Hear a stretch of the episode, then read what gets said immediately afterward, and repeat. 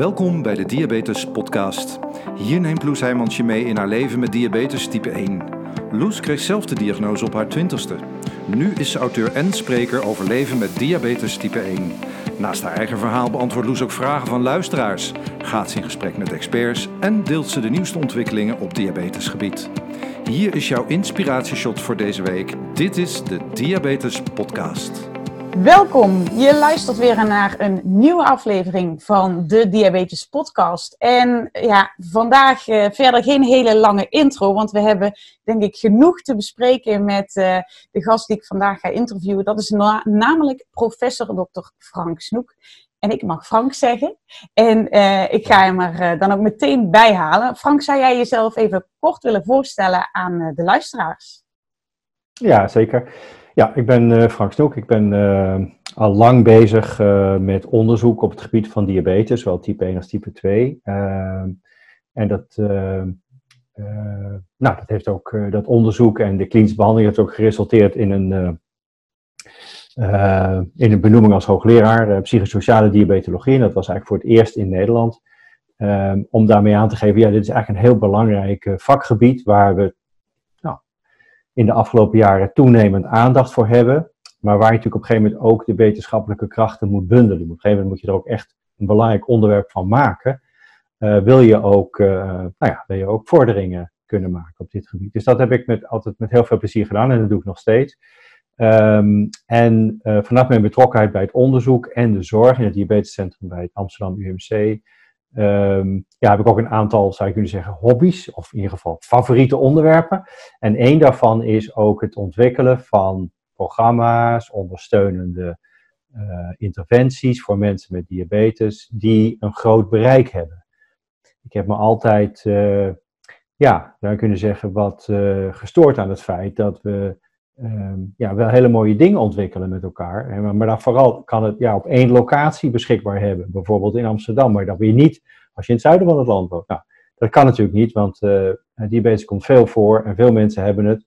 En niet alleen in de regio waar ik werk.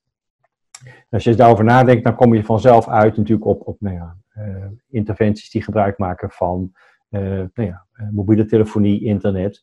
En daar komen we misschien later nog wel even over te spreken.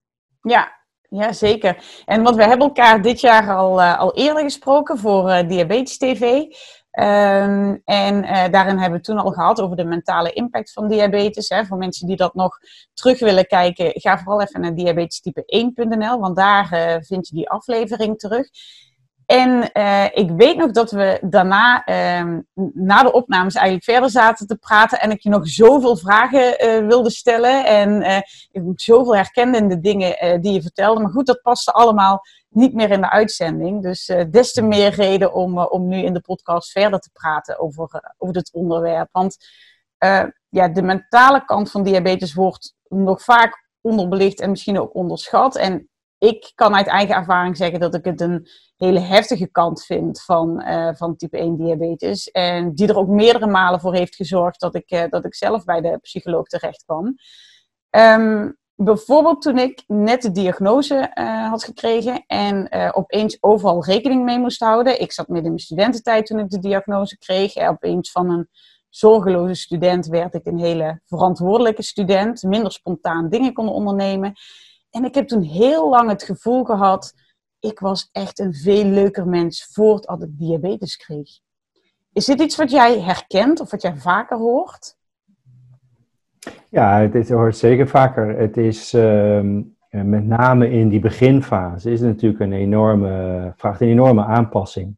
En het zou echt uh, wonderlijk zijn als je daarbij niet ja, uh, problemen zou ervaren, hè, of dat je daarbij niet veranderingen aan jezelf zou ervaren, onder de stress die je op dat moment natuurlijk uh, meemaakt. Uh, want zo is het, het is een hele stressvolle periode, uh, met name ook omdat je er helemaal niet op kan anticiperen. Hè, ik denk dat de diagnose type 1, dat komt eigenlijk als een komeet in je leven. En er is maar een hele korte zeg maar, ziekteperiode, waar natuurlijk bij andere aandoeningen er soms een aanloop is. Dan ga je alvast nadenken over, ja, stel dat ik het heb, of stel dat, ik, dat er dit gebeurt je, het komt binnen en je moet er direct op reageren. En je krijgt ook niet de tijd om er even rustig eens over na te denken.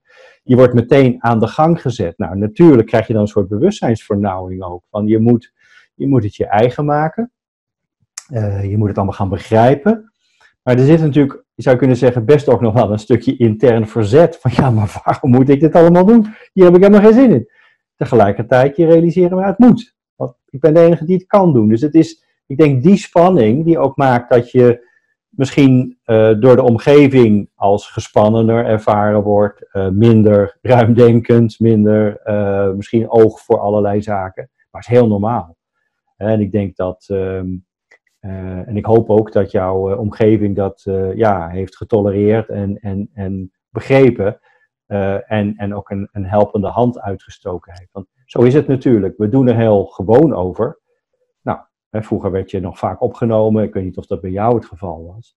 Maar heel vaak gaat het tegenwoordig gewoon polyklinisch. Ja, alsof, je, hè, alsof je een ziekte hebt opgehaald. En dan ga je vervolgens weer met de bus naar huis.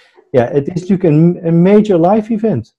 Ehm, en en uh, ja, de wereld draait gewoon door, zo is het. Uh, en, en daar participeer je in. En gelukkig kan dat. Hoef je niet meer in een ziekenhuis te liggen. Uh, apart genomen te worden. Uit de, hè, uit de wereld te stappen.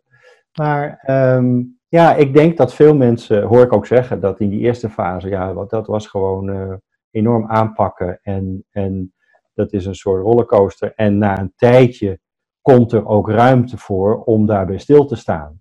Uh, dat zien we overigens ook bij andere ziektebeelden. Hè, bijvoorbeeld ook bij kankerbehandeling. Is dat op het moment dat, dat de behandeling aan de orde is, met alles wat dat met zich uh, meebrengt en vraagt, is er vaak helemaal niet zoveel ruimte om te praten en ook niet zo'n behoefte om te gaan reflecteren en je emoties te ventileren. Dan is het echt die tunnel in en zorgen dat je eruit komt.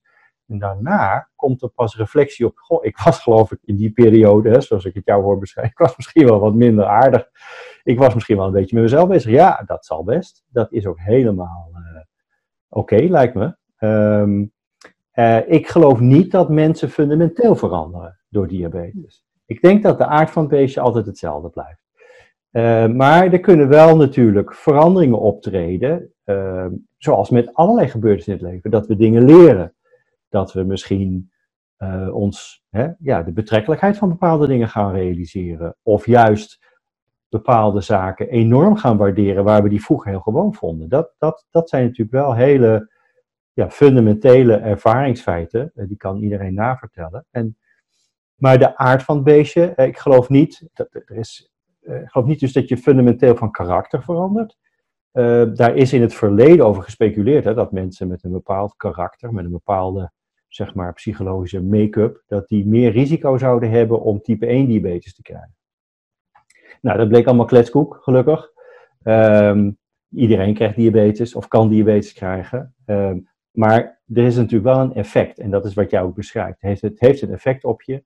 En er komen misschien dingen bij je boven die je niet van jezelf uh, kent of herkent. Um, maar uiteindelijk geloof ik, maar goed, dat kan je in je eigen omgeving checken, dat je nog steeds loes bent, die, ja, die een, iets doorgemaakt heeft en doormaakt. Zeker. Ja. Ja, precies. Nou, gelukkig uh, was inderdaad Remco, mijn uh, toenmalige vriendje en nu man, ook wel uh, daar om te zeggen van, nou ja, nee, je bent gewoon nog echt nog steeds dezelfde en, en nog even leuk. Maar ja, ik, er zijn toch menige momenten geweest dat ik dat echt, dat ik dat niet kon geloven. Um, en ja, en ook nu merk ik nog wel, ik, ik kan nu goed met mijn diabetes omgaan. Hè. Ik heb het ook, doordat ik er mijn werk van heb gemaakt, echt wel een een plek gegeven. Maar uh, nou ja, ik kan zomaar weer een voorbeeld van, uh, van vandaag tevoorschijn halen. Dat ik het dan toch, dan heb ik het druk op allerlei vlakken. En ik had vanochtend dan problemen met mijn loop en mijn, mijn pomp, die, die was buiten bereik. En dan, zo al die, die stressfactoren, die maken dan toch dat, ik, dat die diabetes dan altijd net de druppel is. En ik, ik kan me ook nog herinneren, namelijk dat we de Diabetes TV-uitzending hadden over een mentale fitheid. Um, en ik denk dat dat daarmee te maken heeft. Kun jij vertellen wat je, wat je daaronder verstaat? Ja, het, is natuurlijk een beetje een gek begrip. Mentale fitheid. En bij fitheid denk je aan spieren. Nou, uh, het brein is geen spieren, maar um, we kunnen die analogie wel trekken. Je kunt wel, wel, wel spreken over mentale fitheid in de zin um, van veerkracht, in de zin van adaptief vermogen, hè? vermogen tot aanpassing, het vermogen tot het verwerken van tegenslagen. En als iets, denk ik, diabetes kenmerkt, is dat de vanzelfsprekendheid weg is. De machinerie waar je, als je geen diabetes hebt, op kan vertrouwen, even daar gelaten dat je een andere ziekte hebt. Uh, daar moet je nu bij stil gaan staan en nog heel specifiek bij een deel van die machinerie, die dus defect is, maar die een enorm keten van gebeurtenissen heeft, een keten van consequenties zou je kunnen zeggen, voor eten, voor bewegen, voor alles eigenlijk wat je doet. Uh, dus die vanzelfsprekendheid is weg en dat vraagt aandacht. En mijn, uh, ja, mijn kijk hierop is, is dat ja, aan dat gegeven kan je niks doen. Dat, dat is nu eenmaal zo. En ja, we hopen allemaal en vertrouwen er ook op dat in de komende jaren de techniek een groot deel van die mentale inspanningen die nu nodig zijn, gaat overbodig maken. Dat het voor je gaat regelen, tot je uiteindelijk in een situatie komt dat het weer vanzelfsprekend is, dat je kan vertrouwen op je lichaam. Uh, maar zolang dat niet nog het geval is, heb je eigenlijk een behoorlijk fit brein nodig, in de zin dat je ja, die alertheid nodig hebt, uh, de concentratie, uh, het kunnen verwerken van die informatie, wat soms ook verwarrende informatie is. Gisteren op hetzelfde tijdstip was hij hoog, ik, ik doe niks anders, wat, wat is hier aan de hand? Het gepuzzel. Um, waarbij je natuurlijk um, kunt zeggen, nou, puzzelen, dat vinden sommige mensen hartstikke leuk. Um, detective spelen, hartstikke leuk. Maar niet iedereen, en ik denk heel weinig mensen, doen dat spontaan uh, als het gaat om iets als diabetes. Dat is gewoon een noodzakelijkheid. Het, het, je ontkomt er niet aan. Je kan het wel minimaliseren, maar je ontkomt er niet aan. En dat, dat vraagt natuurlijk toch, wat ik zeg, veerkracht. Het vraagt uh, tolerantie voor frustratie. Het vraagt um, soms ook reflectie, dat je denkt, wacht eens even, laat ik nou niet impulsief iets gaan doen, maar laat ik nou eens even nadenken, misschien ook even sparren met iemand. Nou, dat zijn misschien zaken die op zich allemaal nuttig en mensen eigen zijn, maar dat terwijl je je dagelijks leven leidt, dat is ingewikkeld. het is, het is, je, je, moet als het ware steeds weer, ik, maak wel eens de analogie van, nou, je zit op een, op, een, uh, op een snelweg, je moet eigenlijk steeds weer naar zo'n zo'n strookje waar je kan parkeren. Moet je weer gaan nadenken. Dat wil je eigenlijk niet, je gewoon doorrijden, want je wil niet achterblijven. Um, dus die, mentale fitheid voor mij betekent dat je, dat je in staat bent om met die tegenslagen, met de uitdaging van diabetes om te gaan. En uh, we weten dat sommige mensen mentaal, hoe zeg je, nou als ik het even omdraai, minder stresskwetsbaar zijn dan anderen. Dus die, ja, die gaan met een grote glimlach door het leven en het lijkt allemaal van ze af te glijden, hebben nergens last van. En nou, dat helpt ze dan ook bij diabetes. Nou, ik word er niet warm of koud van, ik kijk even wat er moet gebeuren.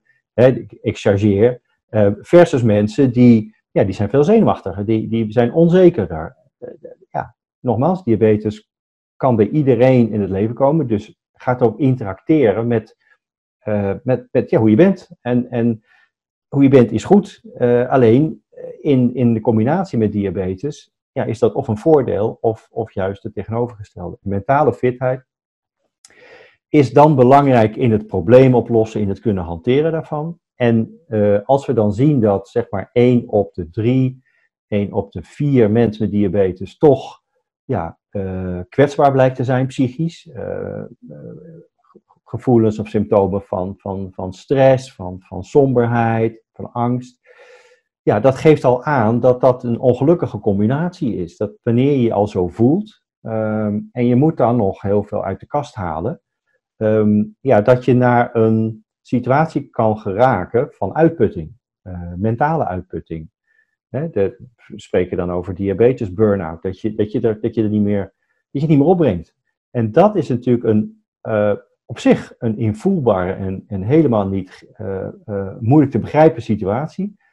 Maar hij is, ja, hij is super onhandig, omdat je nou eenmaal degene bent die die diabetes regelt. Er is ja. niemand anders. Um, dus de, als ik nog eens die vergelijking mag doortrekken van die burn-out, wat daar zo kenmerkend aan is, is dat mensen op een gegeven moment afhaken.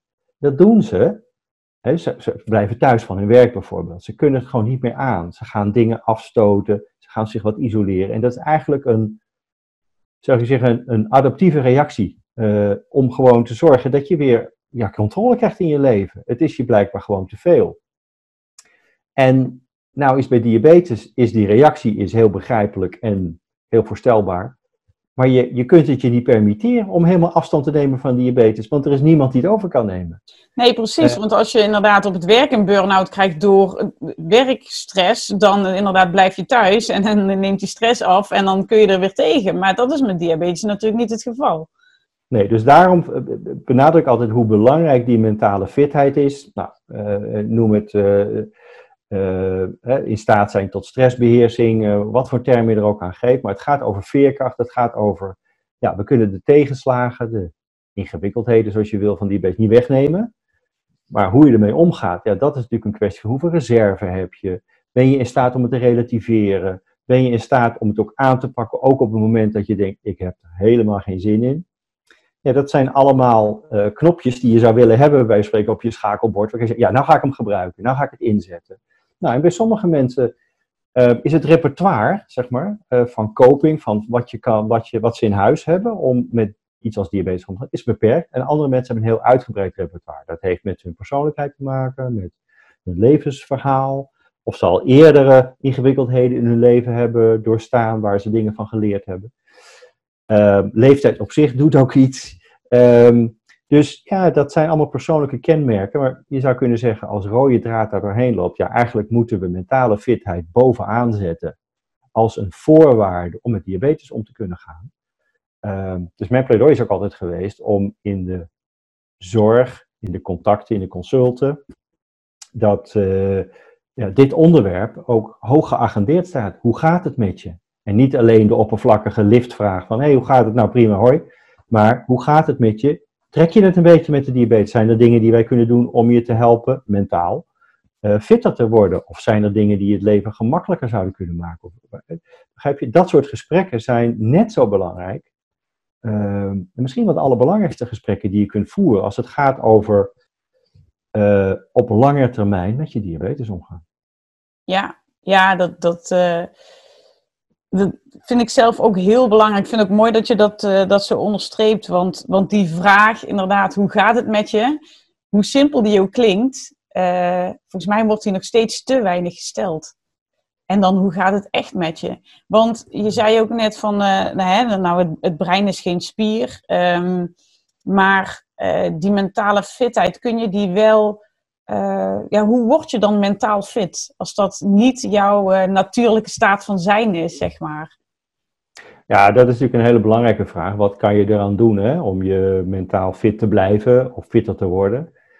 Um, ja, dat, dat is natuurlijk een, zou je kunnen zeggen, daar is een scala aan technieken of inzichten kun je daarbij gebruiken. Maar zeker is het zo dat wat er in de weg zit hè, voor je mentale fitheid, als je het zo bekijkt, dan zijn dat vaak uh, somberheidsgedachten, sombere gevoelens, uh, lage zelfwaardering, hè, geen vertrouwen erin hebben dat je het ook kan. Uh, misschien ook wel een stukje steun missen. Dus wat wij doen in de klinische praktijk, zeg maar, als je kijkt naar wat kan je, hoe kan je mensen helpen, is vooral kijken waar, waar zitten hem de barrières, waar zitten de, de knelpunten, uh, de knopen, zou ik maar zeggen. En, en um, nou, kan je die eruit halen en wat zou je daaraan kunnen doen? En dat gaat dan vaak over toch ook eerst inzicht ontwikkelen in, hey, dit is hoe jij ermee omgaat. En dan ga je naar alternatieve manieren kijken. Zou je er ook anders naar kunnen kijken?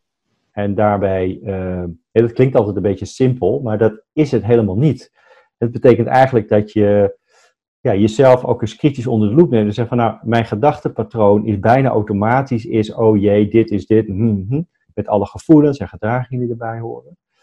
En door erbij stil te staan kun je zeggen, nou ja, je kijkt naar de manier waarop je uh, geneigd bent te denken over diabetes en de problemen met diabetes. Um, en, en je, bent al, ja, je, je, je wilt als het ware kijken naar, de, eigenlijk naar twee vragen van, helpt me dit als ik er zo over denk? Dit is eigenlijk de meest belangrijke vraag. Um, en is het, klopt het eigenlijk wel wat ik denk? Want als je nou twee mensen of drie mensen met diabetes in, in een kamer zet, uh, dan kan je zeggen, nou, uh, de ene is in helemaal goed humeur, het is de dag van ze, en de ander zit een beetje sip. En, het, ja, ze hebben allemaal diabetes en het is allemaal, ze staan allemaal in het leven. En het leven lijkt voor iedereen hetzelfde. Het is vooral hoe we, hoe we het kleuren, hoe we er naar kijken. En daar is niks mis mee. we zijn allemaal een beetje anders. Ehm, maar de neiging om dingen negatief te zien, de neiging om jezelf naar beneden te halen, de neiging om over perfectionistisch te zijn. Hè? Te hoge eisen aan jezelf te stellen. Dat zijn allemaal zaken waar je wel aan kan werken, die je kan bijslijpen. De aard van het beestje blijft meestal hetzelfde, maar je kunt de scherpe randjes eraf halen. Plus je kunt allerlei oefeningen doen. Hè? Je kunt, uh, dat, dat weten we natuurlijk ook uit, uh, uit de stress uh, literatuur en uit het, ehm, uit het onderzoek en, en, en de behandeling. Je kunt mensen leren om meer te ontspannen. Sommigen blijven maar doorjagen. Nou, als je en diabetes hebt, en je carrière, en gezin, en nou, noem het maar op. Um, ja, dan is de kans dat dat op een gegeven moment, dat je struikelt bij wijze van spreken, dat het even helemaal niet meer lukt, is groter. Dus je kunt ook voorkomen dat je overbelast raakt door voldoende ontspannende momenten in te bouwen in je leven. Door ook te delen met anderen en niet alleen alles voor jezelf te houden. Um, ja, het echte gewoon letterlijk ontspannen. Nou, sommige mensen voelen zich meer aangetrokken tot bijvoorbeeld meditatie of mindfulness. Anderen zeggen, nou, ik hou meer van sporten, meer het actief ontspannen zou je kunnen zeggen. Ja, iedereen heeft daar in zijn eigen voorkeur en dat is ook helemaal prima. Maar het, uh, het punt een beetje is denk ik dat de vanzelfsprekendheid waarmee wij denken dat iedereen dit wel aan kan, misschien niet zo gerechtvaardigd. Dat je moet mm -hmm. zeggen, daar zou je eigenlijk op het moment dat je de diagnose krijgt, nou niet op dag 1, maar misschien wel op dag 4, moeten zeggen, nou, ook even kijken, hoe, hoe gaat het met je en waar zou je behoefte aan kunnen hebben? Hoe ken jij jezelf? Wat, wat zijn voor jou nou, kwetsbaarheden? Wat, hoe, hoe, hoe, hoe los jij stress op? Nou, misschien kunnen we je in de loop van de tijd wat dingen aanreiken. Gelukkig zijn mensen zelf ook heel initiatiefrijk hoor. En zoeken ze ook zonder hulpverlening, zoeken ze allerlei wegen. Nou, hartstikke goed.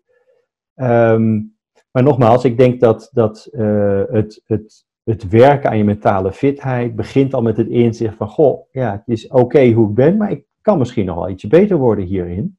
Gegeven ook het feit dat, ja, helaas, we moeten vaststellen dat diabetes er voorlopig wel zal blijven. Dus anders zou je kunnen denken, nou weet je, um, ik wacht even totdat het weg is. Dat is soms ook, ook een hele goede oplossing om te wachten tot het probleem weg is. Als je weet dat het overtrekt. Um, maar ja, dit is uh, here to stay, zoals ze zeggen. Ja, helaas wel. Maar het is ook, denk ik, heel goed om uh, ook wel te onderkennen dat het er mag zijn. Hè? Dat, het, kijk, dat we ons fysiek uh, af en toe niet goed voelen bij een hypo of een hyper. Of, ja, dat weet iedereen wel. Maar het feit dat, dat je ook gewoon mentaal soms echt wel last kan hebben van die diabetes en dat dat niet gek is, dat is denk ik ook heel belangrijk gewoon, dat mag er zijn en daar kun je ook mee aan de slag. Ja, absoluut. Uh, ik denk dat je er helemaal gelijk hebt. Het, is, het, is, het begint met erkenning en herkenning.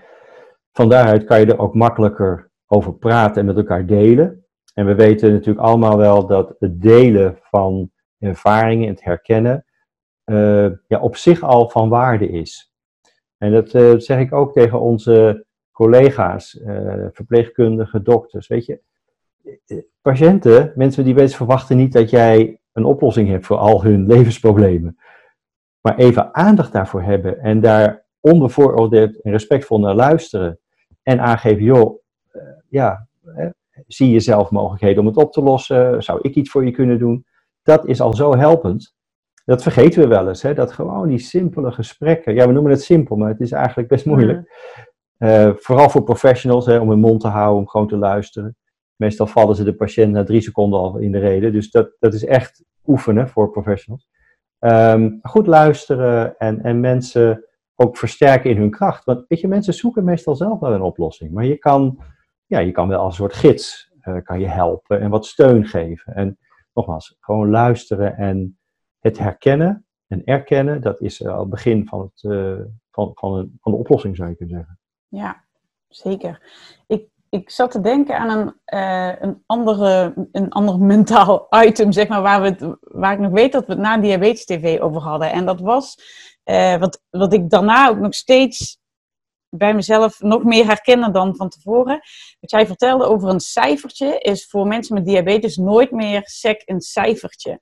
Hè, als ik een waarde van 16 uh, zie op mijn scherm, dan is dat niet, oh, nou, 16 komt na 15 en voor 17. Maar dan is dat uh, 16, ik heb uh, te weinig gebolust, mijn koolhydraten niet goed geteld, be niet bewogen waar ik wel gedacht had dat te gaan doen. Ik heb het fout gedaan, ik heb gefaald. Dat is 16 voor mij. Kun jij daar iets meer over vertellen, hoe dat werkt in, de, in ons diabetesbrein? Ja, dat heeft alles te maken natuurlijk met, met ehm, ehm, eh, evaluatie eigenlijk, hè? een kwalificatie. Dus, dus uh, als we, uh, nou ja, als we kijken naar een, een cijfer, zoals je zegt, 16, dat is al direct geassocieerd aan hoog.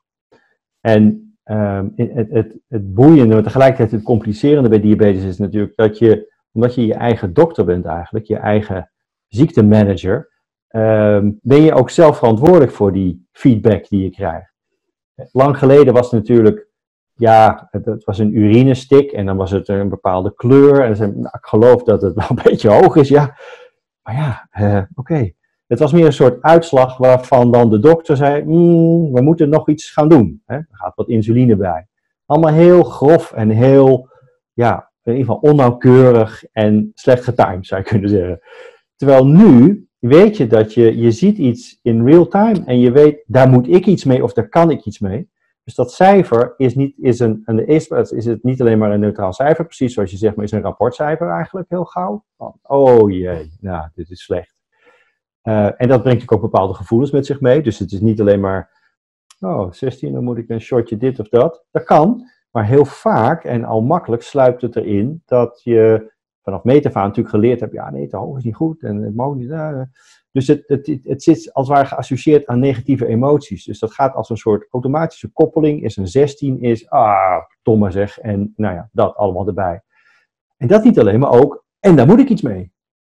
Dus het is ook nog hoe zeg je dat? Het is uh, ontregelend. Je moet er iets mee. Ja, want je was met iets anders bezig als het goed is. Je zit nog niet de hele dag naar je glucosemeter te, te turen, mag ik hopen. Dus je bent gewoon in staat in het leven. En oh ja, dan moet ik weer iets. Hè. Opnieuw, dan moet je weer naar die. Uh, moet je weer van de weg af. En je moet weer parkeren en je moet weer nadenken en je moet er iets mee. En dat, dat, dat geleidelijk aan. Uh, in het begin is dat misschien nog ja, even wennen. En maar dat, dat sluipt erin. Is mij opgevallen ook dat mensen heel erg ook uh, ja, devaluerend dan over zichzelf praten. Van uh, dat is veel te hoog, eh, stom. En denk, ho, ho, het is hoog of het is laag. Uh, ja, bloeddruk is ook hoog of laag. er zijn meer waarden in het lichaam die kan je meten en dat is hoog of laag. Waar het natuurlijk vooral over gaat is, wat kan jij eraan doen? Wat wil je eraan doen? Om dat weer ja, in, een, in, hè, in een range te krijgen die voor jou belangrijk is. Um, dus het is, het is super belangrijk om het één uh, te doen, namelijk actief kijken en handelen. En het ander te laten, namelijk die negatieve zelfevaluatie. Die moet je als het ware eraf knippen. Die is opnieuw terugkomend op de vraag: helpt het je? Nee, helpt je helemaal niet. Uh, Integendeel, het maakt het zwaar. Ik heb met een patiënt wel eens de vergelijking gemaakt van het is misschien wel een beetje hetzelfde als dat je. Ja, je krijgt namelijk de neiging om het niet meer te zien. Hè? Op een gegeven moment, je denkt, laat maar.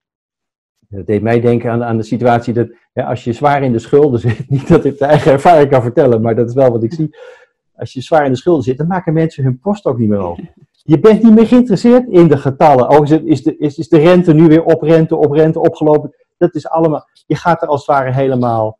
Uh, ja, je, je, je, je kunt dat niet meer verwerken, je wilt het ook niet meer verwerken. En dat is dus niet functioneel. Dus de, de, de vermijding uh, kan tot op zekere hoogte, maar wordt al gauw dysfunctioneel. Want als jij het niet weet en jij er niks mee doet, ja, wie dan wel? Um, maar het is een heel belangrijk punt wat je aanstipt, hè, waar, waar denk ik veel mensen met diabetes zich in kunnen herkennen, dat je nou, soms van kinds af aan al geconditioneerd bent om hoog is verkeerd, daar heb je iets verkeerd gedaan, dat moet je corrigeren. En dan krijg je de, ja, de self-blame, zeg maar. Uh, het zelfverwijt. En dat knaagt ook aan het zelfvertrouwen. Dus als je dan heel lang hoog zit, denk je, wat, wat, wat ben ik nou voor een sukkel? Hè? Wat doe ik nou verkeerd?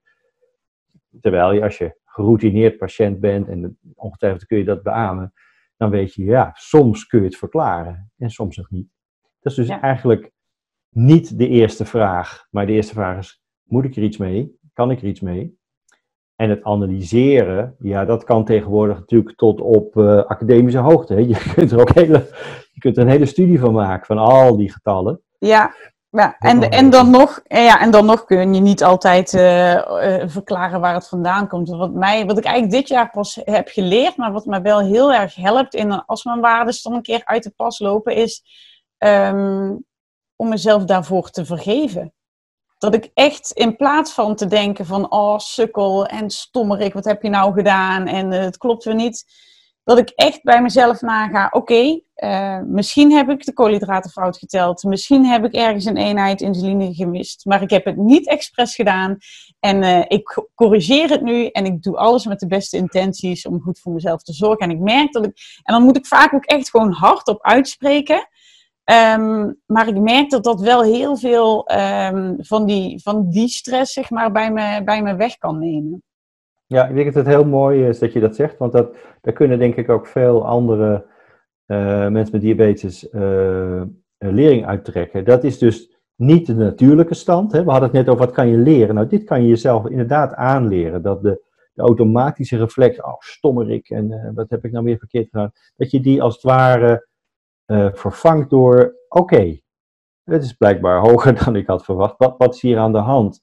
Nou, ga kijken. Maar niet vanuit de gedachte, ik ben stom en ik heb iets verkeerd gedaan. Um, en dat is, een, ja, dat is ook wel een, een soort oefenproces, toch? Ja, zeker. Zeker. En dat is ook, ik, ik schiet nog altijd eerst, of bijna altijd eerst, in dat uh, stommeling uh, uh, gevoel. En dan moet ik er echt boven gaan staan om te denken: nee, dit is niet de manier om ernaar te kijken. Hier maak ik mezelf alleen maar ongelukkiger mee. En er dan echt ja, met, met die vergeving naar te kijken. Ja. ja. Hey, en um, ik nam uh, een paar weken geleden een, uh, een podcast op met, met, met Tronic. Um, we hebben het daar ook al eerder over gehad. Hè. Alle technologische ontwikkelingen uh, die, die er zijn, die eigenlijk ook nieuwe mentale uitdagingen met zich meebrengen. Ik vroeg op Instagram aan mensen of ze vragen voor jou hadden. En de meest gestelde vraag was wel: hoe zit het nou met uh, type 1 diabetes en, uh, en perfectionisme, zeg maar? En dat wordt uh, natuurlijk alleen nog maar erger, denk ik, als je echt iedere, ieder moment van de dag in je schermpje je time in range kunt zien. Um, wat moeten we daarmee? Ja, dat is, een, het is inderdaad een heel. Nou, de vraag is heel actueel, hè, want het heeft natuurlijk alles te maken met ook de beschikbaarheid van zoveel informatie, zoveel data. En dat vraagt om interpretatie, om verwerking, maar het vraagt ook om bescherming, denk ik, hè, tegen een overload aan, uh, aan informatie. Wil je alles weten? Kan je er iets mee? Wat moet je daarmee? Laten we beginnen met vast te stellen dat mensen daarin verschillen. Dus uh, sommige mensen houden heel erg van, nou, die, die ook al in het verleden toen nog geen sensortechnologie was, die hadden prachtige spreadsheets met zelfgemeten glucosewaarden, die analyseerden ze. Hartstikke goed. Um, maar er zijn veel mensen die zeggen, nou, dat gaat mij veel te ver. Um, ik, ik, wil, ja, ik wil het ruwweg weten en ik wil weten daar waar ik misschien risico loop. Ik wil, het, veiligheid komt bij mij eerst en dan ga ik kijken, kan het nog iets beter, et cetera. Dus ik denk dat, dat ook gewoon belangrijk is dat je voor jezelf nagaat. En dat kan natuurlijk verschillen ook uh, over de tijd. Dat je afhankelijk in welke fase van je leven je bent en waar je mee bezig bent, dat je voor jezelf probeert te formuleren wat voor jou het belangrijkste is. Waar gaat het je het meest om? Uh, nou, iedereen, denk ik, kan, uh, kan herkennen dat als je, hè, ik zal maar zeggen, je hebt twee ernstige hypo's gehad achter elkaar, nou, dan zal dat je eerste zorg zijn, natuurlijk. Ik ga proberen veilig te blijven. Hoe kom ik uit die dingen? En dan kunnen gegevens, data, cijfers, uh, kunnen je daar e-, enorm bij helpen. Dan kijk je op die manier ernaar. Dan hebben ze een heel specifiek doel. Uh, zo kan iemand die een tijd lang hoog zit, uh, bijvoorbeeld na een ziekteperiode en het gaat toch niet naar beneden, kan je gaan, hé, oh, maar daar reageert het wel en zo zit ik snel. Dan heb je een gerichte vraag aan de data eigenlijk. Dat werkt natuurlijk het beste. Dan gaan de data voor jou spreken, omdat jij er een vraag bij hebt. Zonder vraag, dat allemaal maar gewoon aangeboden krijgen, zonder dat je weet wat je er eigenlijk mee wil of moet. Um, ja, dat is wel iets om even in de gaten te houden, omdat je A, daar overweldigd door kan raken, maar ook ja, overprikkeld zou je kunnen zeggen. En als je een neiging hebt, je noemde dat naar perfectionisme, um, ja, dan zou het kunnen gebeuren dat je zegt, oh die time in range is uh, eh, 70%, maar die moet naar 80, die moet naar 100. En dan kom je in een, um, ja, in een hele geforceerde situatie terecht, denk ik, waarin je perfectionisme de overhand gaat nemen en er onherroepelijk toe gaat leiden dat je, ja, dat je niet je doel haalt. Want met diabetes 100% perfect gereguleerd zijn, ik heb het nog niet meegemaakt, um, het gaat grosso modo aanzienlijk beter. Dat weten we door betere insulines, door betere techniek. Maar 100% alsof je geen diabetes zou hebben. Nee, daar moet je gewoon geen diabetes voor hebben. Dan is het opgelost. Ehm, dus ik denk dat die tolerantie voor imperfectie, dat is wel heel belangrijk. En nogmaals, iedereen zal daar op een bepaald moment zijn eigen doelen bij hebben. Uh, eigen voorkeuren, wat is belangrijk, wanneer is het belangrijk, context doet er natuurlijk ook toe. Um, en dat is denk ik belangrijk voor jezelf na te gaan. En dit is ook opnieuw wat ik probeer professionals ook uh, aan te herinneren: van probeer nou erachter te komen wat voor de patiënt belangrijk is. Want jij kan die gegevens gaan analyseren en daar worden ze helemaal enthousiast van. Hè? Dat vind ik fantastisch. Nu hebben ze eindelijk hele objectieve, betrouwbare gegevens. Geweldig. Nou, voor iemand met diabetes is gewoon belangrijk: heb ik geen hypo's? Zit ik een beetje in de range? Of moet ik me zorgen maken over complicaties? Nou, noem het maar. Dus dat zijn denk ik de vragen die, ja, als het ware, waardoor je, als een soort bril, waardoor je naar die gegevens moet kijken. En ja, dat, soms is het niet zo duidelijk. En soms is het ook niet zo nodig om zoveel data te zien. Um, dus dat is ook een kwestie van, denk ik, fine-tuning. Van, van hoe, wat is het voor mij op dit moment? Nou, oké, dan. Uh, uh, ik weet dat het. Uh, dat, hè, ik, ik, ik, ik, kijk ernaar, ik doe er iets mee, maar ik ga niet de hele dag daar, daar mijn hoofd over breken. Um, en ik denk dat daarin echt heel erg belangrijk is, wat heeft de prioriteit? Wat is voor jou het allerbelangrijkste? Nou, kijk zo dan naar die data. Hoe kunnen die data je helpen? Perfectionisme en diabetes is een hele ongelukkige combinatie. Sowieso wel een ongelukkige combinatie met het leven, denk ik. Want het is heel moeilijk om een perfect leven te hebben. Uh, en we weten dat mensen die perfectionistisch zijn ingesteld, um, ja, die, die uh, raken gefrustreerd makkelijk. Want het is vaak niet perfect. Nou, en die frustratie, ja, dat kan weer toch een soort, hè, zou je kunnen zeggen, mentale slijtage met zich mee gaan brengen. Van wat we dan noemen demoralisatie. Nou ja, laat dan maar zitten. Want het lukt me niet. Hè, dan krijg je een beetje dat zwart-wit denken van, nou ja, het is niet perfect, dus is het niks. Waarop dan misschien hopelijk de omgeving zegt, nou, zo slecht is het nou ook weer niet. Het is niet perfect, nee, maar nou, welcome to the world, dat hoort erbij. Dus dat is die mindset die zo ontzettend belangrijk is. Om je eigen perfectionisme te herkennen, te zien dat dat echt niet helpend is. En juist op het gebied van diabetes, dat te nuanceren uh, met je professionals die jou ondersteunen daarover te hebben, maar ook met anderen. Om te kijken hoe kan je het ja, een beetje eigenaarschap nemen over die data. Wat betekenen ze voor jou? Wat wil jij ermee? Uh, want ja, ze spugen al die data uit en ze slaan het op en het is allemaal geweldig. Maar het moet natuurlijk een doel dienen. Ja, juist. En, en inderdaad, dus wat je zegt, je hebt het gewoon ook de hele dag uh, binnen handbereik.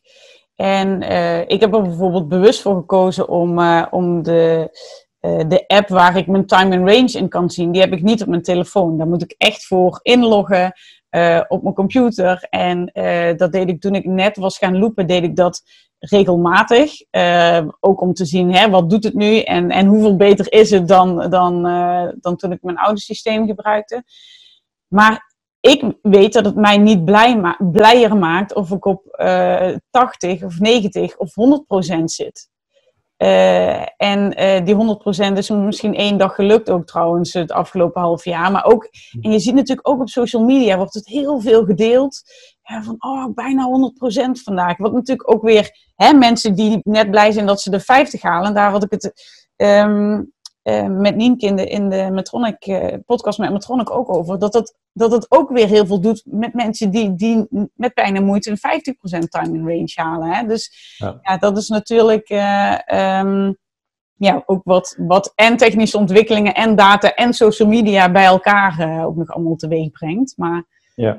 ja, kijk, ik denk Loes, dat, dat het gaat denk ik dan toch over, in, essentie over twee dingen. Eén is hoge waardes of lage waardes, laat maar zeggen extreme waardes, niet normale waardes, die, die, die komen natuurlijk nog eenmaal voor bij diabetes. Dus die ga je ook zien naarmate je hè, echt op microniveau dat allemaal. Dat, dat is een gegeven. Dan is natuurlijk de vraag, hoeveel last heb je ervan? Dat is de eerste.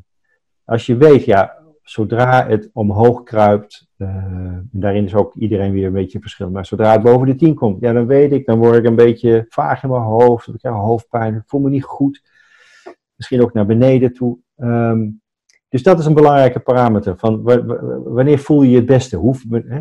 En het tweede natuurlijk is, is het complicatierisico. Nou, en dat laatste is eigenlijk de belangrijkste drijfveer van alles wat we nu doen. Vanaf dat het in de negentig jaren overtuigend werd aangetoond dat de glucoseregulatie gemiddeld bepalend is voor het complicatierisico later.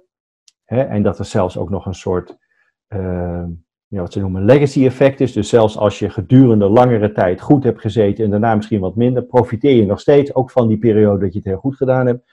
Dus die directe relatie tussen glucosehoogte, uh, zeg maar, vooral, en complicatierisico, dat is een, uh, iets waar, uh, ja, waar alles om draait.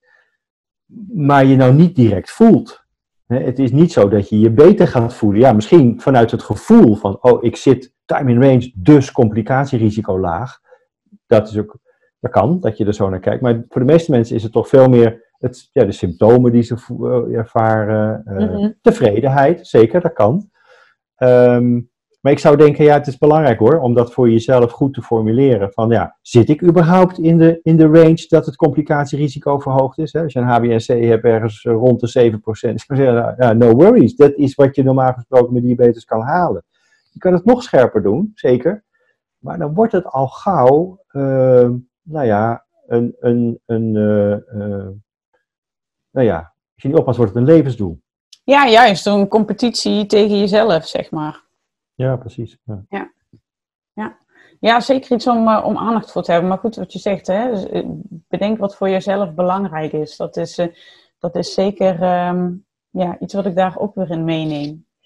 Hey, en aan het begin van het gesprek um, vertelde jij, want ik was net even door de vragen aan het, aan het kijken die ik allemaal binnen heb gekregen via Instagram. Maar ze zijn eigenlijk om de beurt allemaal al aan, aan bod gekomen. Dus, dus dat, is, ja, dat is heel erg mooi. Um, maar jij zei aan het begin van het gesprek uh, dat je heel graag inzet voor diabetesinitiatieven met een zo groot mogelijk bereik. En uh, volgens mij ben je ook nog bezig, of al klaar, maar in ieder geval bijna bezig dan met de lancering van een app die eraan gaat komen, toch? Ja, dat klopt. Ja, die, uh, die heet My Diamate. In, in die naam zit eigenlijk ook de intentie dat het een, een soort maatje voor je is. Dat, het, dat je er, ja, dat je er nou ja, dat het ondersteunen kan zijn aan je mentale fitheid, waar we het over hadden. Um, en daar, um, daar hebben wij uh, een tijdje geleden uh, een subsidie voor gekregen van het Diabetesfonds als beste idee. Uh, dat hebben we uitgewerkt. We hebben een pilotstudie gedaan bij zo'n 55 mensen. Voornamelijk type 1, ook een, ook een klein aantal type 2. En de volgende stap is, is dat we nu het gaan lanceren als een app die breed beschikbaar is. Uh, en uh, wij mikken dan op type 1 diabetes in eerste instantie. En ehm, die, die app die bevat een aantal onderdelen. Ehm, er zit een, een onderdeel in of een module die gaat over de dingen die eigenlijk we nu bespreken. Zo van ja, hoe moet je nou aankijken tegen diabetes? Hè? Je mindset, de stress van diabetes. Uh, vaak ook de verwarring tussen, ja, is het nou mijn diabetes of ben ik het nou zelf? Hoe zit dat nou allemaal precies? Dus dat is een beetje wat we noemen psycho-educatie. Dus het is meer een soort, ja, geen, geen basale educatie, maar meer educatie over hoe het werkt psychologisch. Uh, en daar zit ook een onderdeeltje in over uh, omgaan met je omgeving, omdat we weten, ja, dat is zo belangrijk. En, en mensen doen zich daar vaak echt tekort in. Door te zeggen, nou, ik wil mijn omgeving niet belasten, ik ga het er niet over hebben, ze vinden me vast een zeur. Of, of uh, ja, ze zijn omgeven met heel veel diabetespolitie en ik, het is me allemaal te veel. Maar ja, ik durf niets te zeggen, want ze bedoelen het allemaal zo goed. Mm. Dus dat element zit er ook in. Maar zeker ook uh, het belang van uh, ja, het goede gesprek hebben met je, met, met je diabetesprofessional, assertief kunnen zijn. Um, dus dat is eigenlijk een, een, een soort basis eh, deel. En dan, uh, afhankelijk van de behoefte, uh, kan degene die, uh, die dit programma gebruikt, die kan kiezen voor aan zijn of haar stemming te gaan werken. dus dat is vooral geschikt voor mensen die toch regelmatig somberheidsklachten hebben, stressklachten hebben. en de andere deel is vermoeidheid. Het blijkt dat nou ja, toch vier op de tien mensen met type 1 diabetes langdurig hinderlijk vermoeid zijn, zeg maar. Dus en dat is een onderbelicht uh, onderwerp. Dus ook dat hebben we opgenomen in die app. En je moet het eigenlijk zien als een zelfhulp boek, maar dan op het internet. Je kan het op je mobiel draaien. Ehm, en uh, er zit een, een, soort dagboekfunctie ook bij, zodat je stemming kan bijhouden, andere dingen kan bijhouden. Uh, maar het, is echt het heeft een soort cursorisch karakter. Um, en ja, als je denkt van nou, dit spreekt me heel erg aan, dan maak je dat tot je favoriet. En dan ga je dat nog eens, ja, ga je het nog eens nalezen, of ga je het nog eens een keer doen, of ga je nog eens mee oefenen. Het is um, gebaseerd eigenlijk op alles, ja, uh, laten we zeggen, op veel uh, inzichten die we in de loop der jaren hebben ontwikkeld, programma's die we ontwikkeld hebben. En die hebben we geprobeerd zo, ja, zo aantrekkelijk mogelijk en zo uh, ja, hoe zeg je dat, gecondenseerd aan te bieden. Met ook keuzevrijheid. Van nou ja, als je geen last van vermoeidheid, dan moet je vooral dat programma niet gaan doen. Als je prima gestemd bent, maar misschien wel regelmatig moe, nou, dan is, ligt het voor de hand dat je dat gaat doen. Uh, het idee is dat, dat mensen dit dus voor het doel van dit project, wat overigens financieel gesteund wordt door Novo Nordisk, wat ik erg op prijs stel, belangeloos. Maar daardoor kunnen we het gratis aanbieden gedurende een periode. En zoals het er nu eruit ziet, gaan we dat begin 2021 lanceren. Dat zal waarschijnlijk januari, misschien wordt het februari, maar toch wel zo vroeg in het jaar. Ik denk dat het samen gaat vallen met de vaccinaties, als ik het zo zie. misschien een blijere tijd kondigt zich hiermee aan. Ehm, maar um, dat betekent dat we er ook best wel veel communicatie over zullen uit doen uitgaan. Hoe je kan dus gewoon downloaden straks. Uh, zit niet in de App Store. Het is niet zo'n soort app. Het is een app die eigenlijk uh, op een platform draait, een web-based uh, app. die kan je downloaden en je kan hem op je computer, tablet of op je telefoon doen. En naar eigen behoeven gebruiken. En wat wij graag dan willen, dat is natuurlijk ook ja, de onderzoeker in mij en in ons. Dat zeggen, ja, nou wil ook wel weten hoe het dan met jullie gaat. En wat je eraan hebt om het weer door te kunnen ontwikkelen. Want het is wel leuk. We zijn de eerste, denk ik, in de wereld die zo'n uh, zo'n soort app, er zijn natuurlijk heel veel apps op het van diabetes, maar zo'n soort app hebben ontwikkeld.